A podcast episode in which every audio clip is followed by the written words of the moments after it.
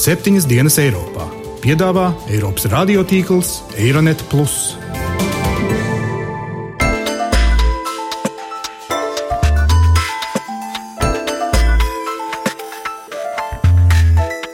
Šonadēļ septiņas dienas Eiropā dzirdēsim. Kas sit nost sunīta bērns, vecāks zemnieks, Alvīts un Krievu bumbas tagad?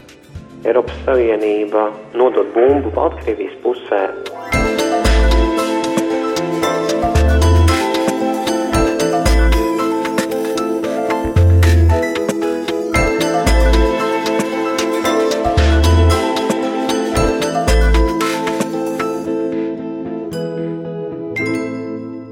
Labdien, godējamie klausītāji! Latvijas radio studijā Kārlis Streips esat sveicināti jaunākajā septiņas dienas Eiropā. Tas ir raidījums, kur spriežam par Eiropas un pasaules notikumiem un kā tie skār mūs Latvijā.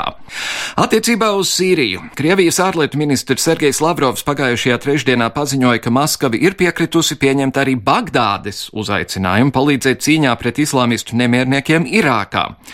Irāka pat laban uzbrūk Islāma valsts džihādistiem un cer, ka Krievijas spēki piebiedrosies Islāma valsts pozīciju bombardēšanā arī Irākas teritorijā, lai arī Sīrijā Krievi ir bombardējuši arī citus.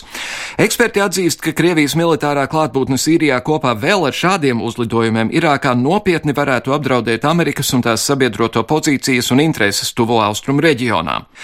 Šodien raidījumā paskatīsimies, kāpēc Krievijai ir izdevīgi šobrīd bombardēt Asāda pretiniekus Sīrijā un vai gadījumā tās iejaukšanās tuvo austrumu konfliktos nedraudz beigties ar līdzīgu sakāvi, kā padomju Savienībai savu laiku Afganistānā. Bet vispirms uzklausīsim dažus viedokļus par to, kā Krievi ļoti cenšas apstrīdēt Nīderlandes izmeklētāju pierādījumus, ka pagājušajā gadā lidojuma MH17 virs Ukrainas notrieca Krievijā ražota Buk raķete.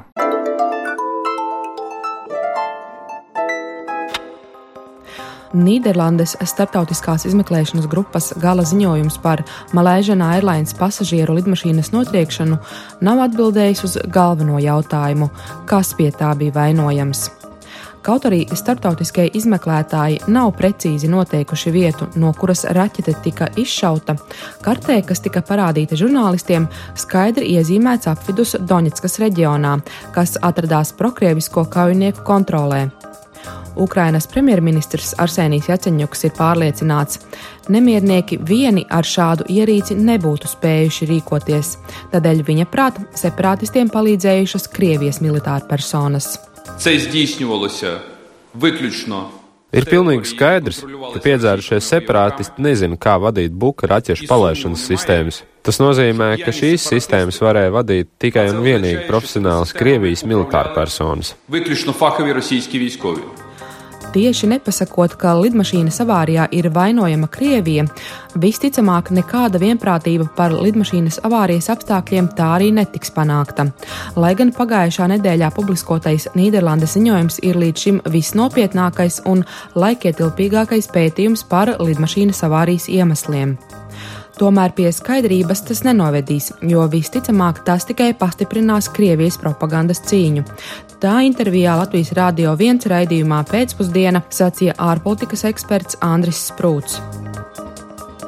Krievija jau kopš paša sākuma, kad notika traģiskā lidmašīnas avārija, ir centusies apšaubīt jebkuras izmeklēšanas ticamību. Neatkarīgie izmeklētāji no projekta Bellingcat jau iepriekš bija pauduši, ka ir pilnīgi skaidrs, ka Krievija ir viltojusi pierādījumus. Pēc viņu sacītā jūnijā Krievijas aizsardzības ministrija viltoja divas fotogrāfijas, lai visu vainu noveltu uz Ukrainas spēkiem. Tādēļ nebija liels pārsteigums, ka arī šoreiz, vēl pat vairākas stundas pirms Nīderlandes drošības padome publiskoja ziņojumu, Buka zenītraķešu ražotājs nāca klajā ar saviem alternatīviem secinājumiem. Tajos pilnībā noliegts Nīderlandes komisijas slēdziens. Stāsta Krievijas valsts kontrolētā ieroču ražotāja kompānijas Almaz Altei izpildirektors Jans Novikovs. Напомню, что решение об участии концерна в пресс-конференциях Mūsu eksperimenta rezultāti ir pilnībā atspēkojuši Nīderlandes komisijas secinājumus par raķetes veidu un tās palaišanas vietu. Šodien mēs ar pārliecību varam paziņot, ka gadījumā, ja Boeing 777 būtu notriekts ar buku raķeti, tad tā noteikti tika palaista no Zarašenskas. Krievijas puse uzsver, ka Zarašenskas ciematu tobrīd kontrolēja Ukrainas spēki. Līdz ar to lidmašīnas avārijā pēc viņu teiktā vainojami tieši viņi. Nīderlandes drošības pārvaldes priekšēdētājs Čībe Jostra Krievijas pētījumu komentējot saka, vienmēr ir aizdomīgi, ja cilvēki jau zina, ka nepiekrīt ziņojumam, pat ja tas vēl nav ticis publiskots. Viens no galvenajiem skaidrojumiem, kādēļ Krievija vienmēr ir tik asi iebildusi un tā vietā nākusi ar savām, bieži vien pārsteidzošām teorijām, ir jautājums par Krievijas lomu Ukrainas karā. Ja Nīderlandes izmeklētāji tiešā tekstā paziņotu, ka lidmašīnu notrieca Krievija vai tās atbalstītie separātisti, tas norādītu, ka Krievija piedalās karā Ukrainas austrumos, lai gan tā to vienmēr ir noliegusi.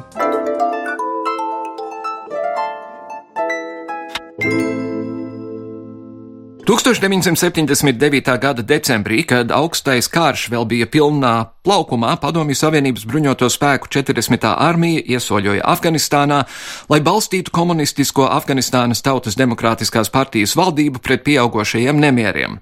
PSRS baidījās zaudēt ietekmi tai draudzīgajā komunistiskajā satelītu valstī un visā reģionā kopumā, Nākamo desmit gadu skarbie notikumi mums visiem ir gana labi zināmi. Padomju režīms tur nosūtīja vairāk nekā simt tūkstošu karavīru, to starp arī daudzus latviešus. Bojā gāja vismaz 15 tūkstoši vīru, nerunājot nemaz par ievainotajiem un par kara traumu cietušajiem, kā arī par miljardiem neliederīgi iztērēto rubļu, kas daudzuprāt galu galā arī veicināja Padomju Savienības sabrukumu. Tolaik Afganistānas komunistiskā režīma pretiniekus mudžahedus atbalstīja plaša starptautiska koalīcija, arī Amerika, Pakistāna, Saudārābija, Irāna, Ķīna un Eģipte. Mudžahedi karā guva virsroku un padomju armija bija spiesta 1989. gada februārī no Afganistānas aiziet, sakauta un pazemota. Šodien ir analītiķi, kas meklē paralēlus starp tā laika Padomju Savienības militāro fiasko Afganistānā un šodienas Krievijas pēkšņo iejaukšanos Sīrijas pilsoņu karā, lai atbalstītu plašās starptautiskās koalīcijas sen norakstīto diktatoru Asādu. Vairāk par to, kādi varētu būt patiesie iemesli Krievijas iesaistē Sīrijas karā, mana kolēģe Jāņa Kropa sižetā.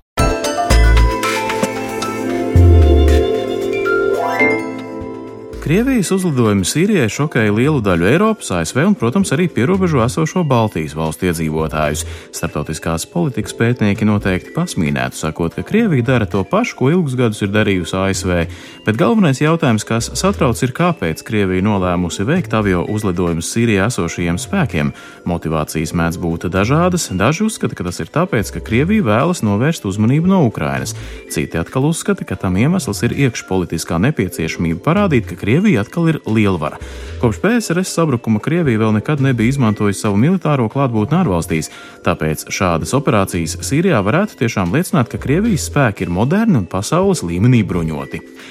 Sīrija šobrīd ir valsts, kurā karo pasaules smagsvari. Skaidrs, ka Sīrijas pilsoņu karš nav tikai un vienīgi Sīrijas iekšpolitiskā lieta, jo prezidenta Bašara al-Asada oponentus uztur un bruņo Saudarābiju, aiz kuras savukārt stāv partneri Amerikas Savienotās valstis. Tikmēr Asada režīmam talkā iet Irāna un Krievija, ierastās ASV pretinieces.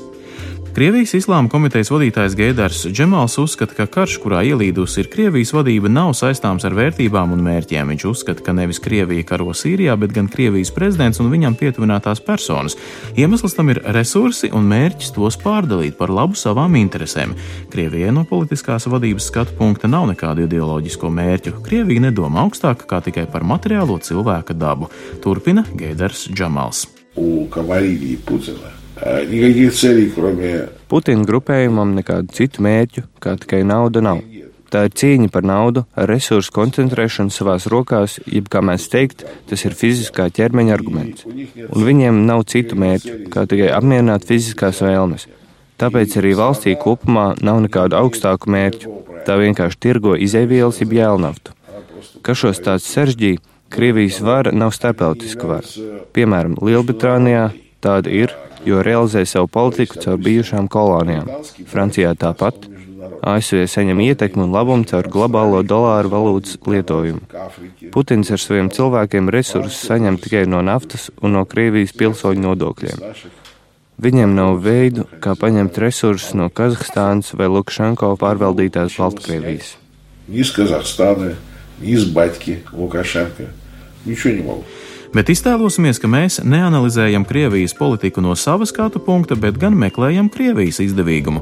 Skaidrs, ka Baltijai Krievijas karaspēka līdzdalība Sīrijā nozīmē bažas, ka kādreiz tas varētu tikt vērsts pret mums, kamēr ASV karaspēka uzturēšanās, piemēram, Irākā vai Afganistānā, tādus draudus nekad īsti nav radījusi. Vai, piemēram, Latvijas ārpolitikas institūta direktors un Rīgas Stradiņu universitātes profesors Andris Sprūts spēja iztēloties, ko viņš teiktu Vladimiram Putinam, ja būtu viņa ārpolitikas padomnieks.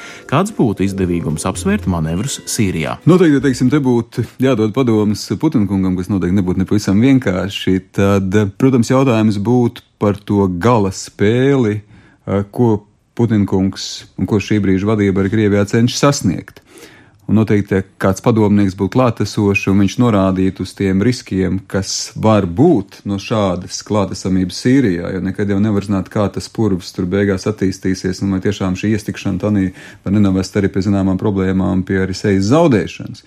Bet tomēr šķiet, ka Krievijas gadījumā var jau arī teikt, ka ir riski nepieņemt lēmumus, risks neuzņemties risku ka Putins ir spējīgs spēlēt uz vairākiem šaha galdiņiem vienlaikus, un, protams, esot arī klātesošāk šajā reģionā, viņš spēja veidot arī dienas kārtību dažādos jautājumos, gan politiskos, kas attiecās uz reģionu, gan globālos, kurā tomēr parādās kaut kāda imidža par to, kas ir spējīgi vispār no kurām valstīm rīkoties, un šķiet tā vien ka Krievija ir tā, kas ir gatava uzņemties šo iniciatīvu, un var jau teikt, ka šajā reģionā tomēr veidojās naftas cenas. Skaidrs, ka Krievijas iesāktā spēle var mainīt tās gaitu, ja no Sīrijas mājās sāks sūtīt Krievijas karavīru zārkus. Iespējams, tieši tāpēc Krievijas prezidents ir skaidri licis saprast, ka nebūs tā saukto zābaku uz Sīrijas zemes jeb sauszemes karaspēku ieviešanas. Bet vēl jau saglabājas riski nezināt, kāds vispār būs iznākums no Sīrijas konflikta. Atcerēsimies kaut vai ASV ilgstošo mocīšanos Vietnamas karā vai PSRS slīkšanu Afganistānas nemieru purvā. Sīrijas konfliktā aktīvu pozīciju nomainīt prezidenta Asada režīmu izsaka Saudārābija. Tāpat Saudārābija, lielākais naftas eksportētājs pasaulē, ir samazinājusi naftas cenas, lai Eiropa Krievijas naftas vietā pirktu tieši Saudārābijas izēvielu. Karš melnā zelta dēļ šķiet ticamāks nekā cīņa par pašu Krievijas pilsoņu prātiem. Enerģētikas eksperts Reinis Aboltiņš uzskata, ka interesantas kopsakarības izriet no tā, ka vienmēr, kad tuvajos austrumos ir kādi nemieri vai konflikti, tas nekavējoties ietekmē globālās naftas cenas un viselastīgākā šajās pārmaiņās vienmēr ir bijusi tieši Saudārābija. Visos citos gadījumos, kad uh, Ziemeļāfrikā un tojos austrumos un arābu valstīs ir uh, notikuši kādi nemieri vai uh, bruņot konflikti vai bijusi augsta politiskā nestabilitāte, tas vienmēr ir ietekmējis naftas cenas šo te tuvu austrumu reģionu, tomēr tas ir eh, ļoti nozīmīgs spēlētājs globālajā naftas iegūs un eksporta tirgū. Ja mēs skatāmies uz Krievijas, Eiropas Savienības, ASV, tuvu austrumu tādu savstarpējo spēku miedarbību, tad drīzāk tas izšķirošais faktors varbūt, kas Krieviju interesē, ir drīzāk ne tik daudz varbūt um, tūlītēji vai vidēji termiņa iespēja sadarboties ar valsti, kurai var potenciāli būt ietekme uz globālo energoresursu tirgu, bet drīzāk tieši no militārās klātbūtnes viedokļa tuvu austrumu reģionā, lai mēģinātu līdzsvarot vai vismaz virot eh, Amerikas un to valstu klātbūtni un citu valstu iesaistīšanos eh, konflikta situācijās šajā reģionā. Tikmēr Andris Sprūts vēl norāda, ka nav iespējams nodalīt Krievijas ieguvumus vai zaudējumus kādā atsevišķā jomā. Spēja sevi parādīt kā rīcības spējīgu valsti nostāda Krievijas prezidenta labākās pozīcijās gan pašu mājās, vēlētāju acīs, gan arī starptautiskajā politikā. Laikam šeit vietā ir teikt, dabīgā veidā veidā Krievijas prezidentam ir izveidojušies apstākļi, kuros nekas cits neatliek kā riskēt ar savu dalību Sīrijas konfliktā. Es domāju, ka var jau atkal dodot to padomu, var jau teikt, ka kurš no šiem jautājumiem nav svarīgs. Visi šie jautājumi ir svarīgi. Man jau teikt, ieejot Sīrijā, principā viņš pieskarās vai pieķerās vai paplašina savas manevru iespējas pilnīgi visos šajos laukos. Tad tie riski saglabājās, ka kāds ir tas gala produkts, un te es domāju, ka līdz galam paredzamība nav. Tad nenoliedzam, ka šis lēmums ir pietiekoši arī dabisks un uh, arī, teiksim, tāpat es teiktu, nenovēršams ir bijis. Rēnis Aboltiņš, ja būtu Krievijas prezidenta enerģētikas eksperts, arī norāda, ka citas izējas Krievijai tās situācijā nav. Šobrīd valsts ir ļoti izolēta un, ņemot vērā, ka tās budžets lielā mērā ir atkarīgs no naftas dolāriem, tas prasa arī rūpīgāku nākotnes plānošanu. Sīrijā Krievija neiegūs tūlītēju efektu savām naftas cenām, bet ieliks vismaz kāju durvīs, kuras bez Krievijas ziņas nevarēs aizvērt. Vienkāršot izsakoties, tas tā tiešām arī ir, jo Krievija šobrīd spēlē faktiski spēli, kurā tā nav īsti izvēles. Krievijas rīcība ir vienīgā pareizā un vienīgā iespējamā no Krievijas skatu punkta šajā reģionā, jo Krievija, nu, teiksim, ir piedzīvojusi ļoti nopietnu starptautisku izolāciju kopš Ukrainas konflikta sākuma, un tā ir ļoti, ļoti zaudējusi savas pozīcijas kā globālais spēlētājs. Šeit nav runa par energoresursiem. Ja atskatāmies uz brīdi vēl pirms Krievijas prezidents paziņoja, ka valsts gaisa spēki veiks avio uzlidojumus Sirijā, skaidrs, ka no Krievijas interesēm tas ir bijis pareizais lēmums. Krievija sevi nostādīja neizprotamā stāvoklī ar Ukrainas konfliktu, bet klātbūtne Sirijā ļauj tai garantēt stabilāku vietu arī nākotnes energoresursu tirgu. Sīrijai lēšu ir diezgan ievērojamas naftas rezerves, bet galvenais šobrīd Krievija neiegūst īpašu kāpumu resursu tirgu. Saudarābija un tās dominētā OPEC apvienība spējas izturēt zemes naftas cenas kādu ilgāku laiku, lai vienkārši izspiestu no tirgus maksimāli daudz citu naftas ieguvēju. Lēš, ka naftas cenas varētu vēl ievērojami samazināties pat līdz 20 dolāriem barelā, tāpēc cīņa Sīrijā šobrīd ir cīņa par nākotnes peļņu.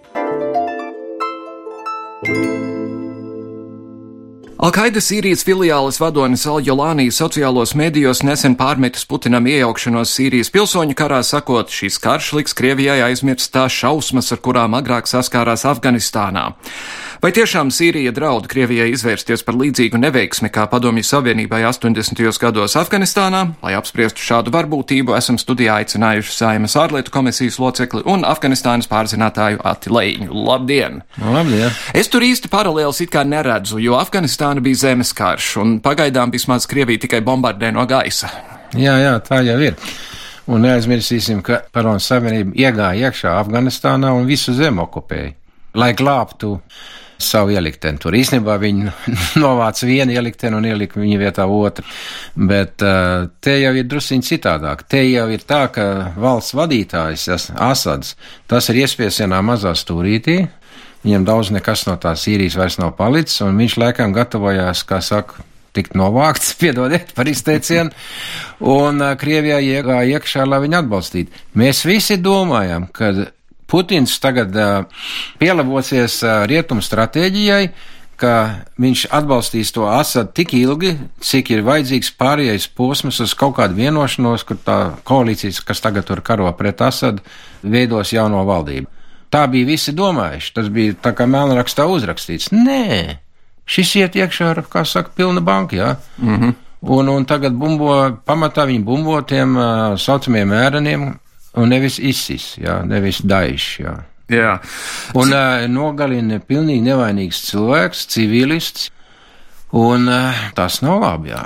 Tīri brīnums, ka Sīrijā vispār kāds civilists vēl ir palicis. Nē, nē, nē, nē, nē, nē nu, tā ir Iblidā. Jā. Iblidā viņi ļoti necieš teroristisku organizāciju, kas saucās par ISIS. Islāma valsts. Islāma valsts. Mm. Viņi apkaroja viņus. Tur nav nekas cits. Viņi vienkārši normāli sīrieši vai nekas negrib viņus tur redzēt. Un uh, tur tieši tie pirmie uzbrukumi bija vai ne, un nogalināja vienu arābu zemnieku, kas brauc ar traktoru ārpus pilsētas, paņems visus savus bērnus līdzi, laukos ir drošāk un nogalina viņus. Viņš no, skaitās terorists. Mm -hmm. Jā. Cik lielā mērā tur tagad lido pa debesīm? Tur lido amerikāņi, tur lido krievi, turki, irāņi. Nē, nē, nē nu, pagaidi, pagaidi, tā tik traki nav. Tur tagad krievi, protams, bet amerikāņi arī visu laiku lidojuši. Tur amerikāņiem ir ļoti labas lidmašīnas, tā saucamā raptoris, mm -hmm. un, ko nevar redzēt un uh, Franči un Austrālija. Nu, tas arī apmēram viss. Turki iekšā nelido, cik es zinu. Izņemot, ja viņi uzbruka kurdiem pārparobežu, kas arī ļoti slikti, jo vispēcīgākie pretinieki un visnormālākie pretinieki, bez tiem sīriešiem, kas nepiedara pie neviens vai otra tādas no islāma grupas, jā, bet tāda arī ir, ir pešmerga, kurdi. Un tieši tagad kad Krievi sāk tur iet iekšā ar pilnu spēku, tagad amerikāņi sāk atbalstīt vien vairāk pešmerga. Lai viņi palīdz izzīt ārā islāma valsts no ziemeļiem. Kaut gan vācieši pešmergas jau sākuši atbalstīt bruņojumu jau no maija. Jo tiem kurdiem gribās pašiem savu valsti, Nu, tu, tu, tu īsti nezini. Tur nav īsti skaidrs, ko viņi grib savu valsts vai nē, bet nu, viņiem ir autonomija Irakā, pilnīgi jau. Viņi arī Irakā karo pret uh, Islāma valstu, un arī Sīrijā. Nu, viņi grib savu autonomiju, un viņi sargā savu teritoriju no Islāma teroristiem. Bet tomēr es vakar vai nesen skatījos raidījumu, kurā vienam Amerikas militāristam tika jautāts, kad bija pēdējā reize, kad jūsu lidmašīnas bija cilvēka redzes attālumā no kādas Krievijas lidmašīnas, un viņš teica pagājušajā sestdienā. Jā, jā, jā, tu biji. Nu, būs drīz tās vienošanās, ka viņi viens otru informēs, jā. Bet vai nevar notikt bet, kaut kas bet, bet, nejaušs? bet vajag saprast, jā, Putins tur iegāja iekšā nekonsultējoties ar Ameriku. Jā? Ne ar vienu nekonsultējoties. Jā, jā. Ir jau tāda raksta parādījušies, ka viņš gribēja pārmācīt Obamu. Nu, piedod man, jā, pārmācīs Obamu. Mm. -hmm. Un tagad, tagad, tagad pasaka, lūdzu, Medveģevs. Augstākais līmenis Krievijā pēc Putina, jā, gatavs sūtīt Medveģevu uz Ameriku, lai vēst sarunas par Sīrijas nākotni. Un Obama pateica nē. Nē, viņš nepateica nē, viņš iedeva trīs pirkstu kombināciju. Jā, nu es, to, es negribēju būt ropīšs attiecībā uz, uz to, kas tur, kas tur tāda notiek. Bet vai jūs vispār saredzat tur kaut kādas beigas, jo te apakšā tomēr ir reliģija, un reiz reliģija pārtopa politiku, tad cilvēki iecērtās un viņi vairs negrib nekādus kompromisus. Ziniet, tas sākums ir pavisam traģisks. Kad sākās pavasars, arābu pavasars, nu, tie cilvēki Sīrijā arī domā, nu, varbūt mums arī kaut kas jādara, jā, un sākās vienkārši mierīgas demonstrācijas. Pirms tam viņi tikās mājās, runāja, un nekas īstenībā pret viņiem netika nekāds lielāks represijas vērsts. Bet tad viņi izgāja ielā, un viņiem tik galīgi nebija teroristi. Tie bija vienkārši sunīti, un arī pat varbūt alevīti vai kas, un pieprasa, nu, Asadkungs, nu, drusku vaļīgāk vajag tos grožus, jo, nu, mēs tauta arī gribam kaut kā teikšanu, jā. Mm -hmm. Viņus apsit. Apsit tik brutāli, ka, nu, nu, kā jau viņi tur darīja. Tā jau skaitā ar ķīmiskām gāzēm. Un... Tas viss vēlāk nāca, jā. Un tad sākās tas karš. Tu nevarēji pieņemt, vai ne? Un tad Turki tur ienāca, un Saudārābija, un Katāra, vai ne? Un nu, tie nekādi mēreni jau arī nav, vai ne? Jā. un tas ir ieaudzis. Tagad jāizaudzis par diviem spēkiem, karš ar diviem spēkiem - Irānu un Saudārābiju. Un tur arī tā ir reliģiskais moments, jo tie vieni ir šīti un tie otri ir sunīti. Jā. Nu, jā. Bet Sīrijā dzīvo pamatā sunīti, bet alevīti ir šie no, novirziens. Mm -hmm. Bet ir arī kristieši un, un, un arī citi. Jā. Viens otrs ebrejs vēl pat tur. No šaubos. Savukārt, Islāma valsts izauga no tā haosa, kas bija Irākā. Jā, Amer- jā. Tā skaitā nozogot lielu skaitu amerikāņu ieroču, bet ko es nesaprotu? Amerikāņi par ātri aizgāja projām. Un kas notika? Amerikāņi aizgāja projām. Šīt, kas nomainīja sunītus, ja, amerikāņi bija izlīguši starp abām pusēm, lai nekarojās sunīti un šīti. Tie aizgāja projām, un kā viņi sauc tas, kas vadīja to šītu valdību, tas uzreiz sāk apspiest sunītus. Un tie teica, nu, paldies, jā. Un tie sacēlās, un tad nāca uh, Islāma valsts un pateica, nu, nu, nāciet pie mums, mēs apsitīsim to šītu, atriepsimies, jā. Jā. Un uzreiz dabūja valsts tautas atbalstu. Bet, manuprāt, jautājums ir tas, cik es saprotu, tajā islāma valstī viņiem ir kaut kur 30-40 tūkstoši kaujinieku. Jā. Sīrija ir sabrukusi, Irāka ir sabrukusi, bet Saudārābijai, Irānai, Turcijai tās armijas ir milzīgi daudz lielākas. Jā. Kāpēc nevar viņiem tikt galā? nu, padomā. Saudārābija sūtīja savu armiju eh, Sīrijā vai Irakā, tūlīt tās Irāna sūtīja savu armiju. ne no Bahreinai vai kādiem Nu, citiem. bet tie, Tas- tie paši sunīti ir. Uzreiz būs pretīm Irāna, un tā ir nu, pamatīga armija. Viņi jau tur ir. Viņi jau tur ir. Kā kaujinieki, nevis kā armija, bet kā kaujinieki. Un vēl pirms pāris dienām nogalināja Sīrijā augstāko Irānas pavēlnieku, militāro pavēlnieku. Jā. Ja? Tāpat tās, ka divas Hezbollas no Libānas. Hezbollah tiek uzturēt ar uh, Irānas ieročiem un naudu. Man gandrīz liekas, Nevar ka- iet tur armija iekšā, nevar iet, ne, vai dienās, tad ir reģionāls karš. Un Nu, zināmā Putins mērā jau to īsti tur. nepadomāja. Putins varēja paprasīt padomu amerikāņiem, kāpēc viņi ir tik atturīgi, amerikāņiem zina pieredze ir, kas notiek, ka nu iet iekšā no viena ārā valstī, jā. Nu, jā. Un nē, nē, viņš gribēja parādīt, ka tagad pārmācīt amerikāņus, un te te bija. Tā tad bija. Bet tur zināmā mērā jau ir reģionāls karš, jo, piemēram, ir. Irāna un Saudārābija cīnās Jemenā, kur viņi būtībā cīnās vienā vietā pret amerikāņiem. arī. Un, jā. Ja Saudārābija atbalsta īstenībā, nu, arī, godīgi sakot, Vahabī ticība nav tālu no talību ticības. Mm -hmm. Nu, Un Saudī- tu- Tas jau Afganistānā savā laikā sākās. Mm. Jo tie vahabīti ir, nu, kā tur liela atšķirība, zini. Jā, tas ir smagais Jā, islāms. jā, jā, jā. Bet uh, Tagad notiek proksija karš, sāk veidoties starp Krieviju un Amerikas Savienotām valstīm un viņu sabiedrotiem, kā Francija un Austrālija un tā tālāk. Jo amerikāņi jūtās tīrā aizvainot tagad vai ne? Viņš ir salauzis to it kā mutisko vienošanos, ka Krievi tur uzvedīsies. Un, nu, tagad amerikāņi pātrinātā veidā sāk savējos atbalstīt ar ieročiem. Tā skaitā ne tikai pešmergam, bet arī tos brīvo Sīrijas armiju, kur tur raibi tā publika, jā, tur mm -hmm. ļoti raibi, jā. Bet tur ir viena otra divīzija, kas negrib redzēt to islāmals un kas, protams, arī negrib redzēt Asadu. Tagad ir tāds stāsts, ka tauraķeču sistēmas, tas nav vienkāršos pretanku dūris. Tas ir tauka raķeta, ko izšauja un kas iznīcina tanki. Saudārābija pirk no amerikāņiem ar nolūku viņus tālāk nogādāt brīvai Sīrijas armijai, un tas tiek pātrināt tagad darīts. Tas nozīmē, tie ir amerikāņu ieroči vienā pusē un krievi ieroči otrā pusē. Mm -hmm. nu, tas ir proksija karš gandrīz jau, vai ne? Nu, jā. Jā. Cik nozīmīgi ir tas, ka Krievijai jau sen Sīrijā ir bāze? Jā, bijusi? tas jau sen ir bijis. Tūkstošiem sīrieši ir izskoloti uh, Krievijā, viņi prot krievu valodu vai ne, un tā tālāk. Zinām, vērā arī ar Afganistānu bija tas pats. Nu, viņiem ir tā flots bāze tur, jau kā viņi saucās, aizmirst tagad. Latakija un tad ir Tarus, jā. Mm -hmm. Nu, mēs jau varam viegli iedomāties, ko Krievi domāja. Viņi tagad būs lielvara. Viņi iejaucās iekšā milzīgā konfliktā, un tagad jāsēžās pie viņiem. Un ir jāsēžās pie galda beig beigās, ja? jo viņiem tagad tur ir ieroči. Tas ir skaidrs. Bet viņiem tā ir bāze vidus jūrā. Līdz šim tā bijis NATO jūra, jo Krieva bāzes Sebastopolā neko nenozīmē. Viņiem jābrauc cauri Dardaneliem, Turcijas šaurumiem. Nu, tagad viņiem tur ir bāzes, nu, tagad jau ir kuģi tur un tā tālāk un tā tālāk. Un tā noteikti daļa no aprēķina vismaz. Nu, protams, protams. Jo sabruks asācis, kas zina, kas notiks ar tādu bāzi. Jā, jā, tieši tā, tieši tā. Nē, nu tā doma bija tā, es domāju, cik es varu salasīt starp rindām un arī rindās, ka tā doma bija tā, ka alevītiem paliks tā josla, kur tagad ir asads un uh, citur atkal būs citi vai ne, un būs kaut kā tāda vaļīga koalīcija, kā apmēram ir Īrakā, kur īstenībā arī trīs rajoni, trīs reģioni - kurdi un sunīti un šīti bet skaitās tomēr vēl viena valsts. Mm -hmm. Bet īstenībā trīs autonomi apgabali. Un tas bija tas plāns, un tā to karu arī izbeigt. Ja? Centrālā vara kaut kāda ir, bet īstā noteikšana ir uh, trijos reģionos. Jā. Nu, viena ļoti skaidra sakne visai šai lietai bija Džordža Buša avantūra Irākā. Jā, jā, jā. Cik lielā mērā mēs varam skatīties vēl daudz tālāk atpakaļ uz to brīdi pirms otrā pasaules kara un tajā laikā, kad būtībā Eiropas lielvaras sazīmēja visādas robežas tuvajos austrumos un teica, lūdzu, te jums ir tagad valstis. Bet, Īpaši bet nedomājot par to, kas nu, jā, nedomājot, bet, nu, es jau nezinu, vai tu būtu bijis labāk, ja kaut kas cits būtu bijis. Jo, nu labi, Sīrija viņa novilk to līniju, kas bija tie franči un briti, taisna līnija, tūkstnesī un tā tālāk, bet tie sunīti un tie šie bija tik un tā sajaukušies. Mm -hmm.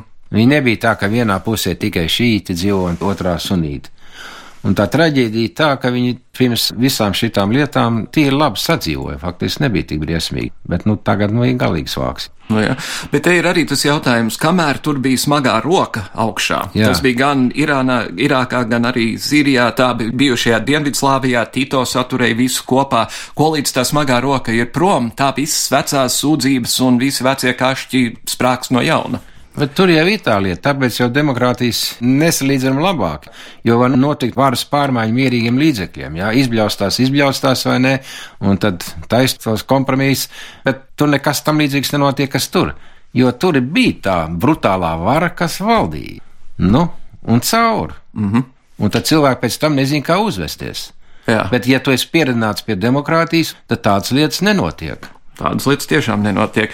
Kāpēc saimai iet tik grūti izdomāt, ko domāt par situāciju Sīrijā? Vai te mums iet grūti? Bet vai te ir pieņemts oficiāls saimnes viedoklis? Nē, nu mums ir Eiropas Savienības viedoklis. Mm -hmm. Un uh, mūsu viedoklis ir tas pats, bet tas ir 28 ārlietu ministri Eiropas Savienībā sanāk, un viens ar otru tur arī izrunājās, vai ne, un runā, un runā, un runā.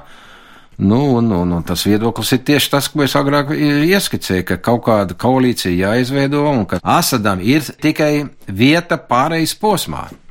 Bet ne kā, kā visu laiku valdniekam. Jā, un es domāju, ka Krievija tam arī piekrīt, pat izskatās, ka varbūt Krievija tam nepiekrīt. Es ceru, ka viņam nav ienācis prātā, ka viņi domā atkarot visu Sīriju apakaļ priekš Asad, bet es domāju, ka tas nav tā. Nav, nav, nav, nav tā. Ja visas zīmes rāda, ka paši Krievi saprot, ka viņi, viņi nevar iekarot Sīriju Jo tad, tad tiešām viņiem- būtu Afganistāna. Patiesi. Jā, tad viņiem būtu jābūt ar zemes kārtu. Jā, jā, tad ir, tad ir Afga un tur viņi zaudētu, simt punktu zaudētu. Mm. -hmm. Tad, nu, papiedod man, jā, pasaulē ir 1,5 miljardi musulmaņu, jā. Kā jau viens tur teica viņiem, tagad draudēja Krievijai pat, jā. Mm. -hmm. Kaut tikai viens procents no tiem ies uz Krieviju, tad jau pietiek, vai ne? Krievijai jau pašai pietiek Ja, savu Paga, paga, musulmaņu. paga. Krievijā ir sunīti. Mhm. 20 miljoni sunīti. Kas sit nost sunīta bērns, vecāks zemnieks? Alevīts un krievu bumbas tagad, jā? Jā. Un pagaidām tur nekas vēl laikam varbūt arī nenotiks. Bet ar laiku, laika cilvēki var sākt domāt, jā. Īsti Mhm. labi tas nav. Piemēram, Krievijas dienvidos ir daža laba Nu, vienmēr republika, kur cilvēki jā. pieraduši pie tāda veida Jā, karošanas. Jā, jā, jā. Tā kā es domāju, ka amerikāņi, kāpēc viņi noraidīja Putina piedāvājumu, vai ne? Man liekas, tā analīze ir tāda, kas saka, ka Putins kaut ko ir sapratis tagad, ka drusciņi pat rakējot viņam priekš viņu, un viņš bija spēris izmisīgu soli Obamam sūtīt Medveģu pie viņa, vai vienalga, kur tikties ar viņu, jā. Nu, tas taču tomēr ir augsts līmenis Medveģevs, jā, premjers, jā. Tā kā tur laikam Putins sāk lēnām saprast, ka varbūt tik viegli. Es vispār brīnos, bet nu, viņš domā citās kategorijās. Viņš neskatās, nu, bija Afganistāna, nu, bija tā, nu, paskat, cik pašiem amerikāņiem grūti iet. Viņiem jau propaganda Krievijai saka šitā tagad, nu, redz, islāmists terorists pārņem visu Eiropu, un mūsu Krieva tanki tagad atbrīvos visu Eiropu. Mm -hmm. Tas ir kaut kas neticams, kas, kas tur pa propagandu varās. Jā, lai gan, cik es saprotu, tā propaganda pēdējā laikā mainījusies. Turcija ir kļuvusi no drauga par ienaidnieku, Jā. savukārt Amerika ir tā pa pūsītei mazliet, varbūt jau drusku tāda Nu, sabiedrotā. man liekas, ka viņi sāk saprast realitāti. Mm. -hmm. Tas ar Turciju bija ļoti stulbi. Divreiz ielausties. Kad tas nozīmē ielaušanos NATO gaisa telpā. Jā, cits jā, starpā. kas tad cits? Bet, ja šī lieta ies plašumā, vai jūs varat paredzēt dienu, kad, piemēram, NATO vai Amerika arī Latvijai teiks, nāc palīgā? Kur? Sīrijā, tuvajos austrumos. Ah. Ziniet, man ir tāda doma, ja, ka tur ne Eiropieši, ne Amerikāņi tur neies. Nu, izņemot, eh, varbūt no Irakā amerikāņi tur daži paliek kā militārā padomnieki tā tālāk. Jo pietiek ar arābiem. Eģipte var iet tur. Eģiptē ir milzīga armija. Mierīgi. Kāpēc viņi nevarētu tur iet? Jā, tā tad nebūs tā diena, kad Latvijas zaldāti Nē, atkal būs tuvajos Mēs bijām. Irakā, un man liekas, to pietiek. Jā. Afganistānā esam jau vēl joprojām. Nu, bet Afganistāna drusku citādāk. Afganistāna atbrīvoja Padomu Savienību, to, ka mēs tur uzvarējām. Padomu Savienība nekad nebūtu sabrakusi, ja viņi nebūtu zaudējuši to karu Afganistānā. Jā. Un mēs vienkārši atmaksājam mūsu parādu Afganistānai. Nu, lūk, un ar to Jā. domu mums arī ir jābeidz mūsu saruna. Saimnes ārlietu komisijas pārstāvis Atis Lēņš. Paldies par sarunu! Lūdzu!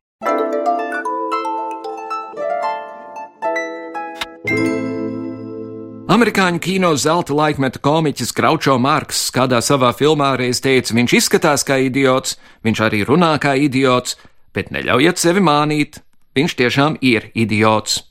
Mēs septiņas dienas Eiropā mīlam vienkāršību.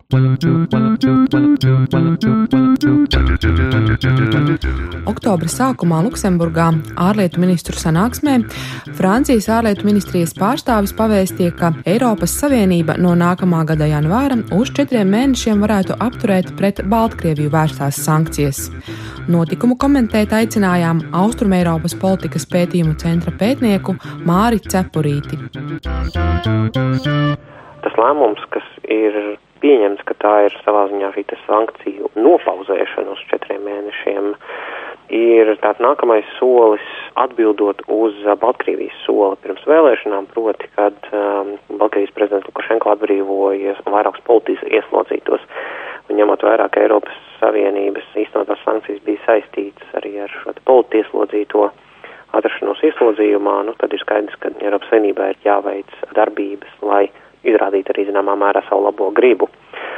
Un ar šo soli, bet vienlaicīgi arī pasakot, ka šis solis ir tikai uz četriem mēnešiem, Eiropas Savienība tad, ja mēs tā varam tā teikt, nodot bumbu Baltkrievijas pusē un tad tālāk ir jāgaida šie te labas gribas žesti no Baltkrievijas, vai Lukašenko izrādīs indikācijas, ka viņš ir gatavs arī sadarboties vairāk ar Eiropas Savienību, ka viņš ir gatavs arī piekāpties varbūt dažām no Eiropas Savienības prasībām, vai arī tad nē.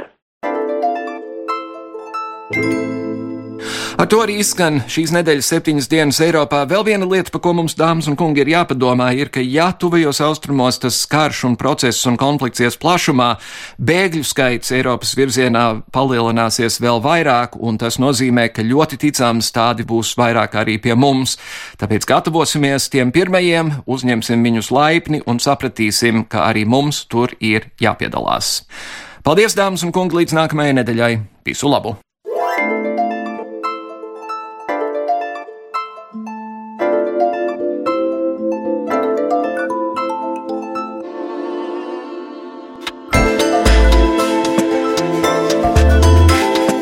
Raidījumu veido Kārlis Streips, Gita Siliņa un Jānis Krops. Producents Lukas Rozītis.